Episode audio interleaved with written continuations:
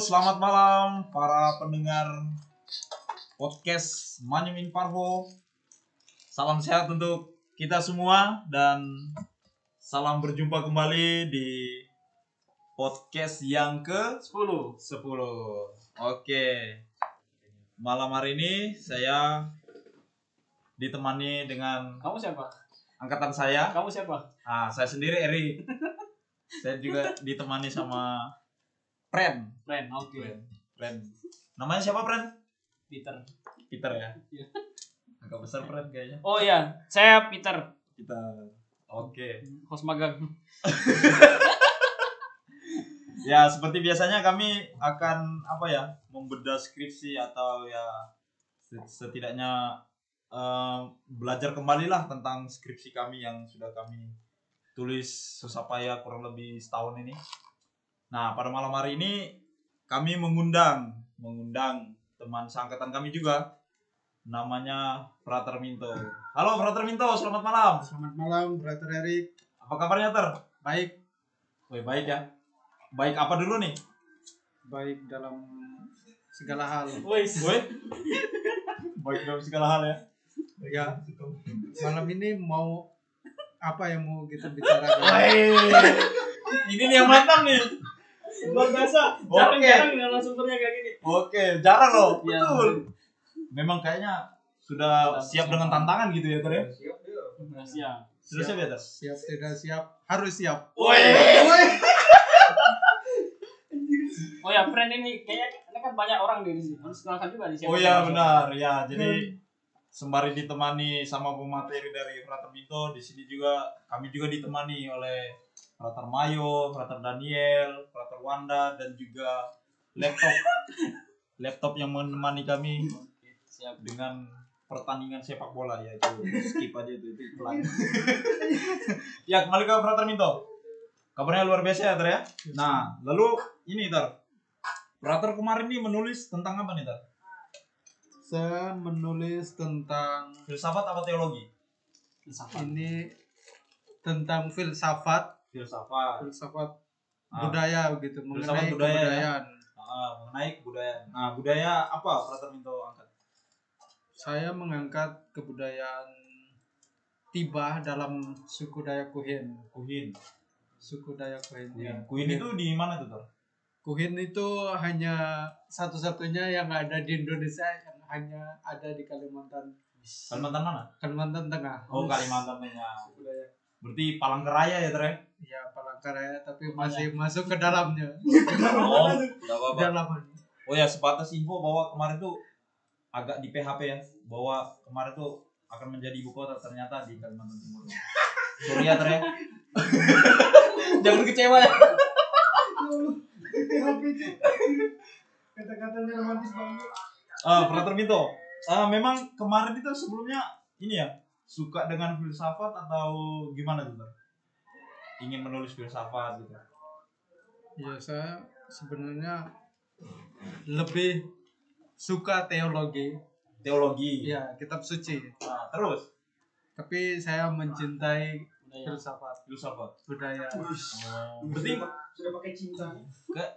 berarti nggak ada kontra ya di dalamnya tuh. Tidak ada Enggak ada karena Nggak ada ya. teologi dan filsafat itu istilahnya menjadi satu. Oi. Jadi cinta. Nah, Waduh. Cinta apa dulu nih? Bisa dijelaskan tuh, cinta apa dulu? cinta Kristus. Wes, cinta Kristus, cinta akan Kristus. Oke. Oke. Oke, Frater Minto, ini um, tema skripsinya ini kan filsafat budaya ya. Hmm. Nah, menarik juga bahwa tokoh yang diambil ini, tokohnya ini biasanya kan dari luar, Ya. tapi ini kan konteksnya Indonesia, sekali. Indonesia. Nah. Koncoroningrat, Kuncoroningrat, Hmm. benar ya? Benar ya cara bacanya gitu ya? Hmm. Nah, jadi judul skripsinya ini nilai-nilai moral upacara tibah suku Dayak Kuhin Kalimantan Tengah dalam perspektif Kuncoroningrat. Hmm. Nah, Dr. Mito, ini bisa diceritakan kok bisa mengambil Kuncoroningrat ini kenapa? Kan banyak filsuf-filsuf budaya yang lain atau antropo yang lain. Kok ngambilnya Kuncoroningrat? Coroningrat tuh. Apa tuh? Apa alasannya gitu? atau Karena memang pertanyaan yang mana aku jawab? yang ini, yang ini dulu yang ini yang sedang dipertanyakan. kenapa tokohnya Kuncoro Ningrat? Nah, Ya alasan mengapa saya mengambil tokoh Kuncoro Ningrat ini Pertama beliau ini adalah seorang antropolog hmm. mengenai eh, bukan mengenai maksudnya yang membahas mengenai kebudayaan Nusantara. Nusantara. Maksudnya dia ini kan seorang dosen Indonesia ya. ya dosen besar lah. guru Ya, besar. guru besar Besar Indonesia antropolog, gitu. antropolog. Dia ngajarnya di mana? Dosen ngajar di mana? Di UI kan. Oh iya betul. Kalau nggak salah ya. Berarti ya iya. Oh iya ber- Jadi memang eh, Kuncoro Ningrat nih ini ya guru besar eh, bidang bidang spesifiknya itu ini ya antropologi, dan di bagian budaya-budaya di seputar Nusantara ini. Iya. Oh, gitu. Dia nulis dari Sabang sampai Merauke ada tulisannya. Ada ya? Ada. Oh, berarti Frater Minto sisipkan di sini ya, diselipkan di di bagian kata-kata gini ya. Di bagian isi dari skripsi. Tidak. Nah, lalu Frater Minto, ini kuhin, kuhin itu kira-kira artinya apa itu tuh? Memang nama tempat atau nama suku atau suku Dayak Suku Kuhin. Dayak Kuhin ini kuhin ya? Kuhin istilah Kuhin ini untuk apa seperti Dayak nama, Nama suku Dayak suku Dayak. sukunya nama Nah, sukunya Berarti Frater Minto memang tidak suku Kuhin kuhin ya. Oh, betul. tidak memiliki arti khusus arti gitu, yang lain. Oh iya iya. iya. apa gitu Ah, betul betul. Kuhin Nah, lalu di sini ada upacara tiba nih, Ter. Itu apa tuh, Ter? Upacara tiba tuh. nah upacara tibah ini adalah upacara ya. upacara pengangkatan tulang sebenarnya Pengangkatan tulang. untuk apa mengantarkan roh Hmm. nenek moyang atau keluarga kita yang sudah meninggal itu Hmm. ke Ke dunia Orang mati. ke dunia atas. atas atau surga, Surga orang gitu. kita Kita suruh Kristen surga gitu ya. iya, Kristen bilang surga Surga. Oh, iya iya. Berarti sebagai apa ya? Sebagai ritual penghormatan kepada ini ya, kepada leluhur leluhur kita gitu ya, yang sudah mendahului kita lalu kita upacarakan kayak istilahnya apa ya? Ya kita hormatilah lalu mengantar mereka kepada ini ya, kehidupan kekal nah, kehidupan kekal. Betul betul. betul. Nah, oke, Dr. Minto. Ah ini kita kembali ke toko dulu ya. Hmm. Karena kan ini sudah daftar isi ya, sudah daftar isi skripsi. Oke. Nah, pemikiran inti pemikiran Kuncoro Ningrat yang diambil di sini ini apa berarti Minto? Untuk melihat budaya tibah itu tadi. Ya pemikiran Koncoran Ningrat ini sangat banyak ya, maksud Ya. mengenai kebudayaan Ya. Kebudayaan. Ya. Tapi yang Kons- yang diambil tuh yang bagaimana? saya mengambil yang tentang nilai-nilai Oh, nilai-nilai maksudnya ya. wujud nilai-nilai dia wujud kebudayaan menurut Koncoran Ningrat. Kuncoran Ningrat di sini ada empat wujud kebudayaan Hmm. itu wujud ide-ide aktivitas benda-benda wujud nilai-nilai yang terakhir dan saya mengambil wujud nilai-nilai itu sehingga saya mengangkat Ah. dalam judulnya tadi nilai-nilai moral dalam upacara tibah itu Oh iya. maksudnya iya. yang di dalam saya hanya mengambil wujud nilai di dalamnya dan itu yang saya olah Nah, itu tapi saya apa saya dalam tulisan ini Ah. konsep pemikiran keempat wujud itu saya tampilkan di sini. semuanya ya. Ah. Nah, Oh, iya. Nah, itu nilai-nilai wujud nilai-nilai menurut Kuncoro Ningrat itu apa? wujud nilai-nilai menurut Kencora Ningrat itu Halaman 21. hmm,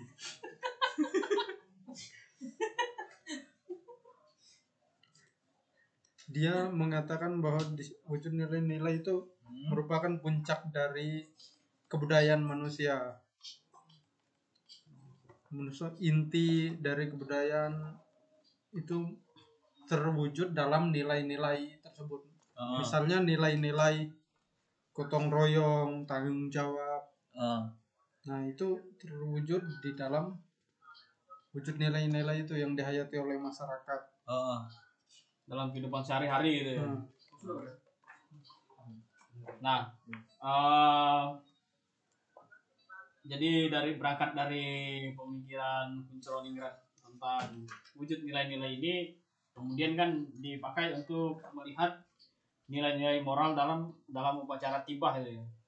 Nah itu upacara tibah sendiri itu seperti apa? Misalnya eh, tadi kan sudah jelaskan Hmm. bahwa ini upacara pengangkatan tulang. Lalu upacaranya sendiri itu bagaimana prosesnya atau ritusnya sehingga nanti bisa melihat ada nilai-nilai di.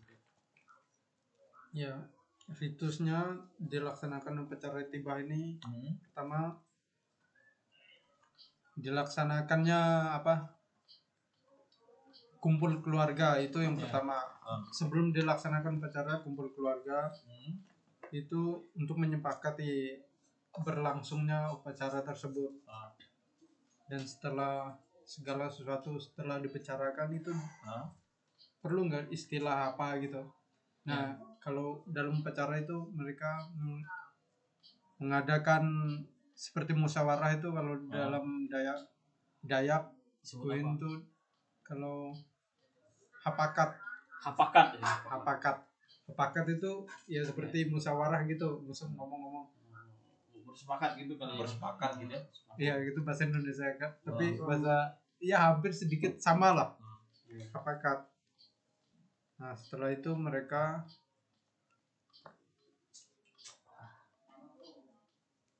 membuat mendirikan balai balai itu kayak rumah kecil itu loh Oh. balai Berarti musyawarahnya di dalam balai itu ya enggak karena balainya tuh kecil aja maksudnya untuk untuk apa tuh? persyaratan apa Oh, simbolnya gitu ya. Hmm. Oh, Tapi eh, apa sepakat eh, musyawarahnya itu dilakukan di rumah di gitu. rumah Di rumah salah satu rumah keluarga gitu ya. yang Yang akan akan melaksanakan upacara upacara tersebut. ini ya. Oh, iya iya.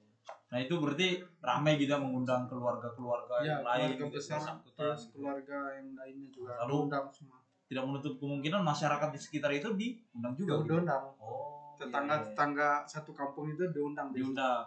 Nah, kira-kira berapa hari tuh eh maksudnya hapakatnya musyawarah. itu? Nah, nggak lama sih enggak lama ya? cuma satu hari bisa Oh satu hari gitu ya. Nah, lalu setelah musyawarah selesai di apa itu acara selanjutnya gitu kan? biasanya ditutup dengan makan-makan Oh, makan-makan makan. bersama dan menentukan tanggal hari hanya kapan itu aja. Oh, Kan makan jangan akan dilakukan upacara tiba itu. Iya. Oh, iya. ya. Nah, kira-kira itu dilaksanakan eh, upacara tiba ini dilaksanakan per tahun atau anu gitu. tergantung, Tergantung ya. dari Keluarga. Tersebut sudah siap atau belum Siap. biasanya ada sampai tujuh tahun baru Hmm. mengadakan ti- tiwah Oh. tiwah ini apa tergantung keluarga Yang siap yang siap dengan segala mat- Mat- materi, materi, terus biayanya ya biaya gitu ya. biasanya gitu Nah, lalu eh, apa? Setelah kesepakatan itu eh, kesepakatan tanggal yang akan dilaksanakan. Nah, lalu itu upacara selanjutnya apa tuh? Misalnya pergi ke makam kah atau apa gitu kan? masih belum sih itu sebenarnya Oh, belum. kan setelah sepakat semua tanggal ini kan Hmm. karena udah siap kan segala dana segalanya Ah, berarti menentu, tinggal menentukan tanggal ya sebenarnya tanggal 10 berarti tanggal 10 itu berarti dilaksanakan. sebelum tanggal 10 itu otomatis mereka kan udah menyiapkan segala segala sesuatu yang akan digunakan gitu Ah, nah lalu lalu dilaksanakan upacara tiba Hmm.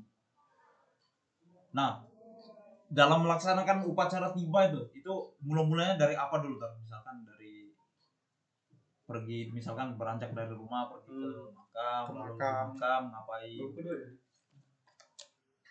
Makam kemudian biasanya membersihkan ma- menggali makam terus mengambil tulang Oh, kemudian tulang itu dibersihkan hmm. banyak istilah dayangnya tapi saya tidak tahu artinya saya mengertikan gitu loh bahasa Oh, iya. Indonesia Ah, ah. Oh ya, Brother Minto ini eh, yang melatar belakangi apa upacara yang dilaksanakan tuh apa sih? Ini kan orang kan sudah mati kan, sudah dikubur, bahkan sudah sampai bertahun-tahun tadi kan. Oh ya betul. Ya maksudnya mereka orang Dayak Queen sendiri memandang manusia tuh apa sih manusia tuh mengapa? Misalnya bahkan sampai sudah mati pun harus di apa di, di, di, ditibahkan lagi. gitu. Iya. Jadi apa pandangan Dayak Queen terhadap manusia itu seperti apa? ya seperti pandangan Dayak Kuhin mengenai manusia Manusia. kita seperti hampir setiap manusia saya rasa bukan saya rasa sih Hah? harus menghargai menghormati leluhur kan Ya, yang orang meninggal itu kita doakan Doakan. kalau dalam Katolik sendiri itu Hah? kita mendoakan arwah istilahnya Ya. kan ada doa arwah gitu kan Oh, betul. seperti kita ini dalam daya kuhin ini dalam kepercayaan keharingan ini kan ya. Oh, kepercayaan keharingan Oh. awalnya harusnya tadi dari awal kita membicarakan bahwa ini kepercayaan keharingan keharingan. ini suku Dayak yang masih menganut kepercayaan Kepercayaan. keharingan. Ya, Bukan agama kan tapi Bukan kepercayaan. kepercayaan keharingan Ah. sehingga mereka masih melaksanakan upacara Upacara ini. ini. Ya, orang Dayak Queen sendiri memandang manusia itu apa ya? Sebagai makhluk ini ya mulia juga ya. Ya, makhluk mulia yang patut kita hormati, kita doakan. Ya ini dengan cara apa? Melaksanakan Tibanya, upacara tiba. tiba ini Betul. bagi suku Dayak Dayak suku Dayak gitulah Ah. suku Dayak pada umumnya Pada yang di umumnya, ya. Kalimantan Iya. Kalimantan Tengah Kalimantan Barat Barat, Timur Timur. yang masih menganut kepercayaan keharingan Kepercayaan, ini betul. akan melaksanakan Tiba itu ya. tiwa Tiwa. kalau ya tiwa atau tiba ini Tiba. tapi dengan konsep atau Makna makna-makna yang berbeda gitu ya. Betul. dengan cara mereka dengan cara mereka. Karena memang kembali lagi ya seperti judul yang ditulis ya Hmm. memiliki nilai-nilai moral. Hmm. Bahwa manusia juga itu kan memiliki nilai moral yang terkandung dalam dirinya gitu kan. Hmm. Kaya akan makna gitu. Bagaimana kita memaknai nilai moral ini Kepercayaan. iya iya iya. Nah, betul itu. Itu kan percaranya. nilai-nilai moralnya ya dan apa saja nilai-nilai moral yang terkandung dalam upacara tiba. Nah itu yang terkandung dalam upacara tiba ini Hah? itu ada beberapa nilai yang Iya. saya angkat. Heeh. Yang pertama itu nilai kekerabatan, Kekerabatan. kedua solidaritas, yang Ah. ketiga itu gotong royong Gotong dan royong. terakhir itu Itu tanggung jawab. tanggung jawab. Ada empat, Ada empat nilai ya. ada empat nilai. Nah, bisa dijelaskan tuh ter nilai-nilainya Nah, tuh empat nilai ini kita temukan dalam dalam. upacara tersebut. Heeh. Kekerabatan sendiri, nilai kekerabatan ini kita temukan pada saat sebelum melaksanakan dan dalam pelaksanaan, Pelaksanaan. pun sudah ada nilai kekerabatan. Kayak Kerabatan- musyawarah tadi itu ya. Ah, tuh. kekerabatan ini kan ya hubungan kekelu- Kekeluargaan. kekeluargaan gitulah. Nah, Istilahnya kita temukan seperti mau orang jauh, orang tetangga tuh betul. memiliki karena udah memiliki hubungan baik sehingga mereka tuh ikut terlibat gitu. Ah. Orang-orang yang ikut terlibat ini bisa orang Dayak sendiri memandangnya oh ini sudah memiliki kerabatan Kekerabatan, apalagi keluarga dekat. Keluarga Itu kan dekat. Lalu sudah- juga masyarakat sekitar ya, walaupun bukan keluarga tapi ngikut ikut ambil bagian gitu ya. Nah, nah itu Ikut ambil bagian di dalam sebagai nilai kerabatan. kekerabatan. Nah, Saling membantu, saling, saling peduli. ya betul. Lalu nilai solidaritas itu. Nilai solidaritas ini ditem- dapat ditemukan dalam pelaksanaan upacaranya. Hmm. Biasanya keluarga maupun tetangga, di Tetangga. sekitarnya Hmm. itu mereka biarpun tidak diminta bantuan, Ah. maksud tidak diminta, diminta gitu Ah. untuk mem- untuk membantu, Membantu. tapi mereka dengan kesadaran Pusat, iya betul itu ya. langsung membantu, Langsung ikut ambil bagian gitu ya. hmm, rasa solidaritas seperti Solidaritas. merasakan apa yang dirasakan seperti keluarga yang Hmm, akan keluarga. melaksanakan upacara itu Iya. ya. Nah, tapi bedanya tuh, Ter. Nilai Oh. kekerabatan sama solidaritas itu apa gitu tuh bedanya? bedanya kekerabatan itu bisa Hubungan, hubungan keluarga keluargaan, dekat, gitu solidaritas ini kan memang kita perlu solidaritas dengan yang solidar lain. dengan yang lain liang gitu ya Mau dia keluarga mau bukan, oh Solidar kita ya. sama punya Solidar, solidaritas. oke betul nah lalu nilai gotong royongnya tuh gimana tuh Gotong royong ini ini di mana masyarakat di situ maupun keluarga besarnya itu hmm? ikut mengambil bagian terus bekerja sama bekerja sama untuk betul menyelesaikan Itu upacara kan itu, ya? upacara tiba itu kan bisa dilaksanakan tujuh hari. Betul. Sampai nah itu kan lama Banyak. ya? Tujuh hari ya? Oh, Wih, banyak pasti ya? yang disiapkan. Sehingga tidak bisa kerja sendiri ya? Betul memang harus ramai gitu ya? Harus. Nah tapi misalkan orang nggak ini ya Tar. misalkan nggak berpikiran bahwa kurang lebih eh, upacara itu dilaksanakan tujuh hari gitu ya? Tujuh hari tujuh malam gitu kan? Pasti di sana ya orang ya meluangkan apa kesempatan atau jam-jam kerja misalkan ke ladang ke mana gitu. Tapi orang nggak merasa ini ya nggak merasa apa gitu ya. Tapi terbebok terbebani nah itu enggak ya jadi lepas atau bebas gitu dirugikan. aja ya. Nah, lepas bebas ya. Karena ya kita apa? Kita hidup kan. dar- dalam solidaritas segala macam dalam kekeluargaan gitu ya. Dan kita juga hidup di anu apa?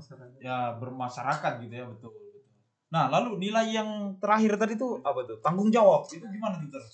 nilai tanggung jawab itu. ini dari keluarga sendiri orang Dayak gitu orang Dayak khususnya Hmm. kan katanya yang saya baca, baca Hmm. itu bahwa orang Dayak itu memiliki apa bahwa upacara tiwa ini harus dilaksanakan Heeh. Untuk keselamatan, jiwa Keselamatan. atau roh ini. Berarti Yang- menjadi ya, betul. kewajiban Ban. untuk dilaksanakan upacara tiwa ini Oh. dalam kepercayaan keringan tuh. Iya, sehingga keluarga itu memiliki tanggung jawab tanggung jawab. untuk melaksanakan itu. Oh iya, berarti berarti gini ya ter, bisa diandaikan gini, misalkan manusia itu eh, kita memandang eh, apa, misalkan kita bertanggung jawab terhadap manusia, tidak hanya sebatas manusia itu hidup di dunia, Hmm. tetapi ketika manusia juga itu mati, tapi kita masih memiliki tanggung jawab terhadap dia gitu ya. Hmm, Nah nanti bagaimana kita seperti yang keselamatan jiwa. eh, keselamatan jiwanya kita harus ini kan upacarakan biar dia bisa berbahagia di surga gitu ya bersama para leluhur atau yang sudah mendahului lalu ya kan. Oh gitu. Memang tanggung jawab itu tidak selesai di kehidupan dunia nyata gini ya tetapi juga dalam kehidupan bagi orang yang sudah meninggal gitu ya. Iya. kita harus upacarakan gitu ya. Ah, gitu. Iya. Oke, nah Brother itu juga sudah menjelaskan apa bagaimana upacara itu dilaksanakan upacara tiba itu sampai pada nilai-nilai yang terkandung di dalamnya. nah, ini kalau direlevansikan dengan konteks sekarang, nilai-nilai yang terkandung dalam apa nilai-nilai moral yang terkandung dalam upacara tiba itu kira-kira apa saja Minggu konteksnya sekarang dan dilihat dengan pemikirannya si Kuncoro Kuncoro Ningrat tadi itu sendiri. Fatem Fatem itu tuh menemukan apa saja yang relevan. yang relevan Hmm. relevansinya Ya, yang untuk sekarang ya Iya, relevansinya Ah, ah. di- ditarik dari. Pemikiran. dari pemikiran terus Oh. dari kebudayaan tadi kan Iya, iya. Nilai istilah nilai kekerabatan gotong royong ada empat nilai tadi kan Ya, untuk relevansinya untuk sekarang ini bagi terkhusus bagi orang Dayak Orang Dayak sendiri ya. orang Dayak pertama kan orang Dayak Hmm. nah itu rele- relevansinya memberi agar mereka ini sadar gitu bahwa kebudayaan itu tidak hanya kebudayaan tok yang hanya dilakukan ritual gitu Ritual. tapi tanpa pemaknaan Pemaknaan. gitu loh betul. Harus sampai pada nilai. Hmm. Hmm. kemudian saya juga relevansinya bagi orang muda kan orang muda ini ya Oh gitu. Dayak Kuhin Ah, bagaimana orang Dayak Kuhin orang Dayak khususnya yang saya tahu ya setiap datang ke upacara di mana pun apalagi ada minum-minum tuh hanya Hmm. mereka tuh hanya datang minum gitu. hmm, datang minum Wah. tanpa tahu apa. Upacara dan makna yang terkandung dalam upacara tersebut. Tanpa biasanya tahu apa arti dari melaksanakan Hmm. upacara ini gitu ya. Betul. hanya ikut kayak pesta-pesta gitu. Iya iya. sehingga pemaknaan akan nilai-nilai itu. budaya itu mereka sudah hilang gitu. hilang atau tidak mau peduli gitu loh. Ini bagi anak mudanya. Iya betul betul. Kemudian bagi relevansinya untuk kaum Orang- muda gitu ya. orang tua itu untuk bertanggung jawab hmm. untuk apa menyampaikan atau memberikan pelajaran oh. mengenai tentang budaya ini kepada kaum muda Kaum atau muda. anak-anak muda itu Oh. kan generasi penerus kan akan Harus hilang tahu, gitu. nanti dan Kalau harus tahu ini ya upacara Ya. ini ya generasi muda tuh harus tahu orang Hmm. tua ini harus memberitahu oh. Meneruskan gitu kalau berarti kan berhenti betul, betul. nanti. berarti Frater Minto juga punya ini ya punya perhatian khusus kepada hal itu gitu ya Iya. iya enggak Iya. Iya, betul. Oke, Franzminto nah itu konteksnya kan kaum muda ya. Saya melestarikan supaya ini tidak hilang di apa? di telan zaman istilahnya begitu. Hmm.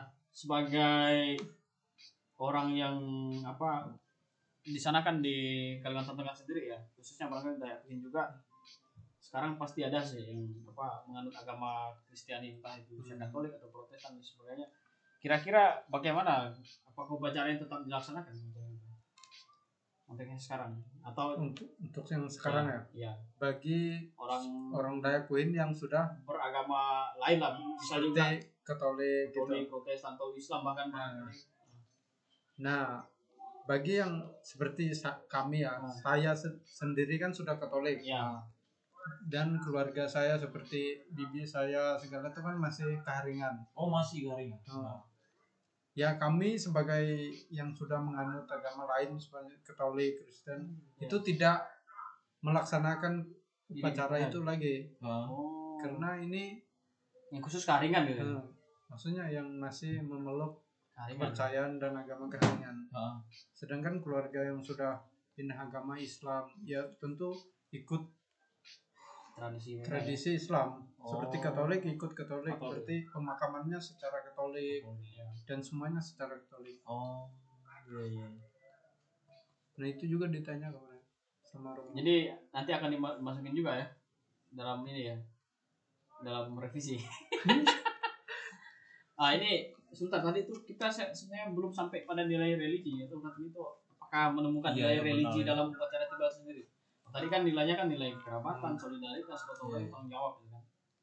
Kalau nilai religinya sendiri apa ya kira-kira? Iya. Hmm, seben- nilai religinya sebenarnya ada ya, tapi saya tidak membahas di sini waktu itu tidak oh gitu. Belum ditulisan gitu ya.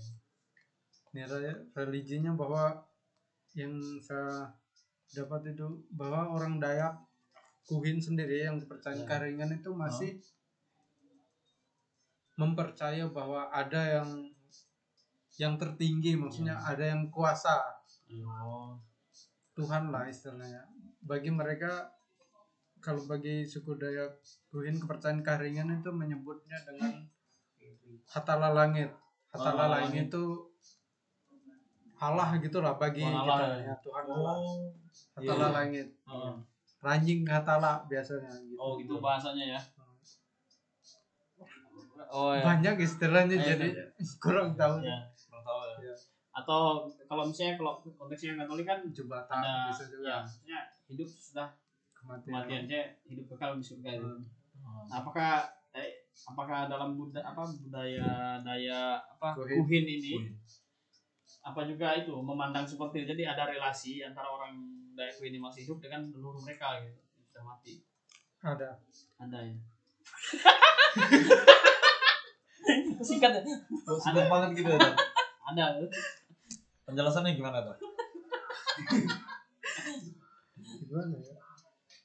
Atau misalnya gini kalau saya anu ya kayak contohkan di daerah saya kan.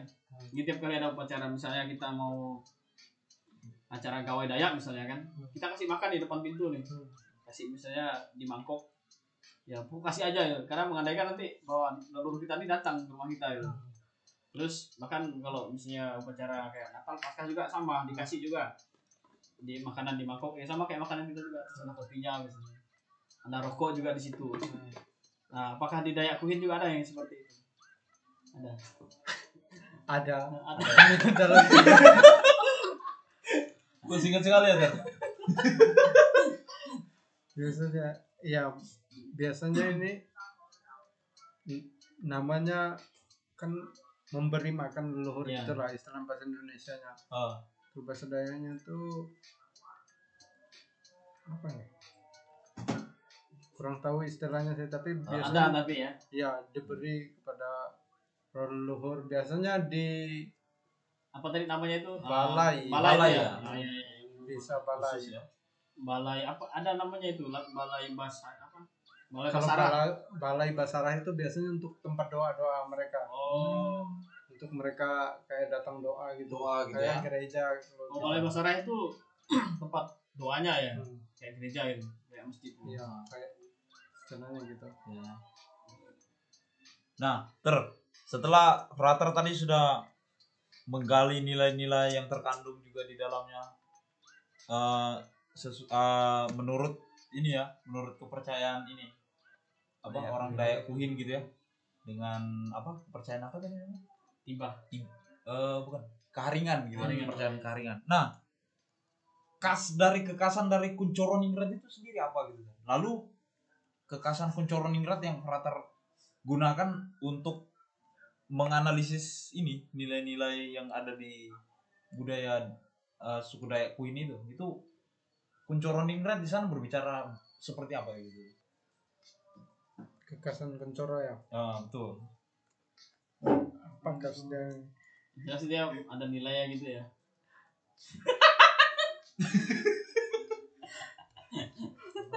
Kekasannya itu misalkan gini ter, misalkan di nilai kekerabatan, Hmm. ah, seperti yang apa, Frater Minto sebut tadi bahwa suku Daikuin di sana eh, memaknai kekerabatan itu dalam eh, ini dalam hubungan kekeluargaan dan juga dalam hubungan dengan masyarakat sekitar gitu, walaupun bukan sesama anu apa suku Daikuin gitu ya. Nah, lalu Kuncoro Ningrat di sana tuh berbicara apa gitu? Maksudnya dinilai ini tuh apa gitu dinilai kekerabatan tuh misalnya makna dari nilai kekerabatan menurut kuncoran ningrat itu apa gitu? Oh ya. kok bingung dia? Kayaknya pertanyaan salah nih kayaknya pertanyaannya. Ini yang salah pertanyaan atau gimana nih kayaknya salah kita yang nanya kayaknya. Ah, gimana tuh? Maksudnya. Pak Kuncoro Ningrat berbicara oh tentang tanggung jawab. Ah Ya. kayak gitu tuh. Gitu loh. Ya dalam tulisannya Pak Kencoran Ningrat ah? itu kan banyak menulis tentang kayak tanggung jawab, Tanggung jawab. kekerabatan kekerabatan sendiri. Ah, bagi dia tuh apa? orang yang memiliki hubungan terdekat. Terdekat. Ya istilahnya masih memiliki hubungan kekeluargaan gitu. Darah sedarah atau berapa kali turunan gitulah oh gitu. Masih memiliki hubungan kekeluargaan yang dekat. Keluargaan. Ah, terus ya itu. Lalu nilai yang misalkan nilai tanggung jawab lagi tuh itu gimana? tentang mengenai tanggung jawab nilai tanggung jawab bahwa setiap manusia itu Ah, memiliki tanggung jawab, Jawab. untuk melaksanakan atau melestarikan kebudayaannya kan Ah. kebudayaannya kemudian tanggung jawab dengan dengan misalkan dengan dalam upacara-upacara gitu ya eh, ritus-ritus atau ritual-ritual yang dilak- dilaksanakan dalam budaya itu misalkan budaya Dayak Kuin gitu ya. Eh, dalam upacara Viwa tadi gitu ya.